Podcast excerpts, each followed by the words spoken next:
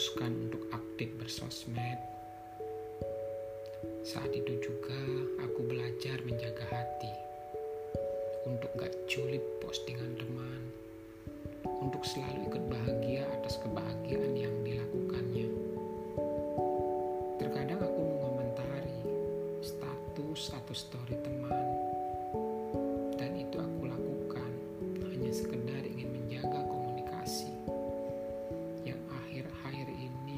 terasa hambar dan asing bagiku.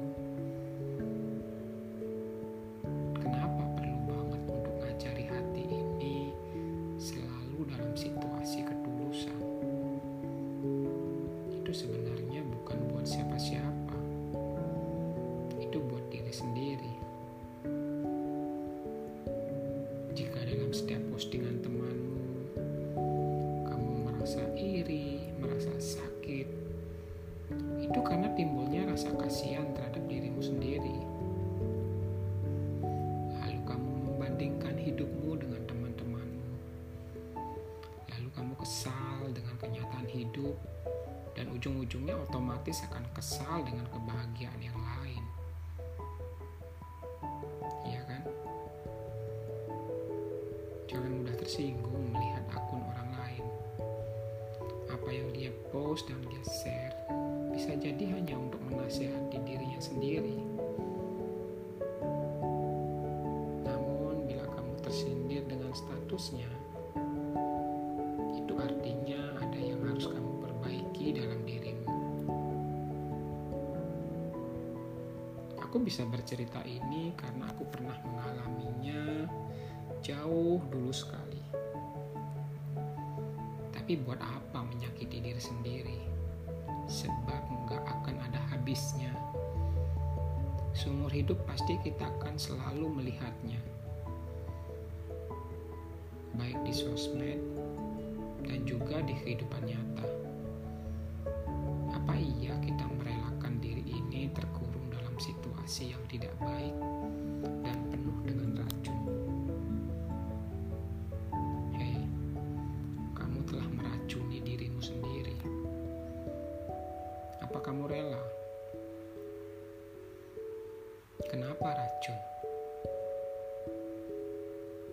Sebab dari hal-hal tersebut bisa timbul iri hati, dengki, penuh persaingan, kadang ketidaktulusan yang artinya adalah ketidakmampuan kita dalam memilih diri.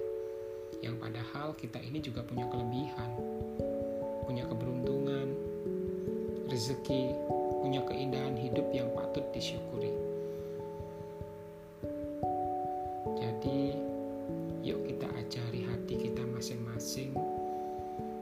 Saat melihat temanmu mempus kebahagiaannya ikutlah bahagia. Sebab kita nggak tahu usaha dan derita apa yang telah dilaluinya. Berbaik sangkalah. Memang ini nggak akan bisa auto muncul jika kamu nggak akan mengajari hatimu. Percaya pada saya.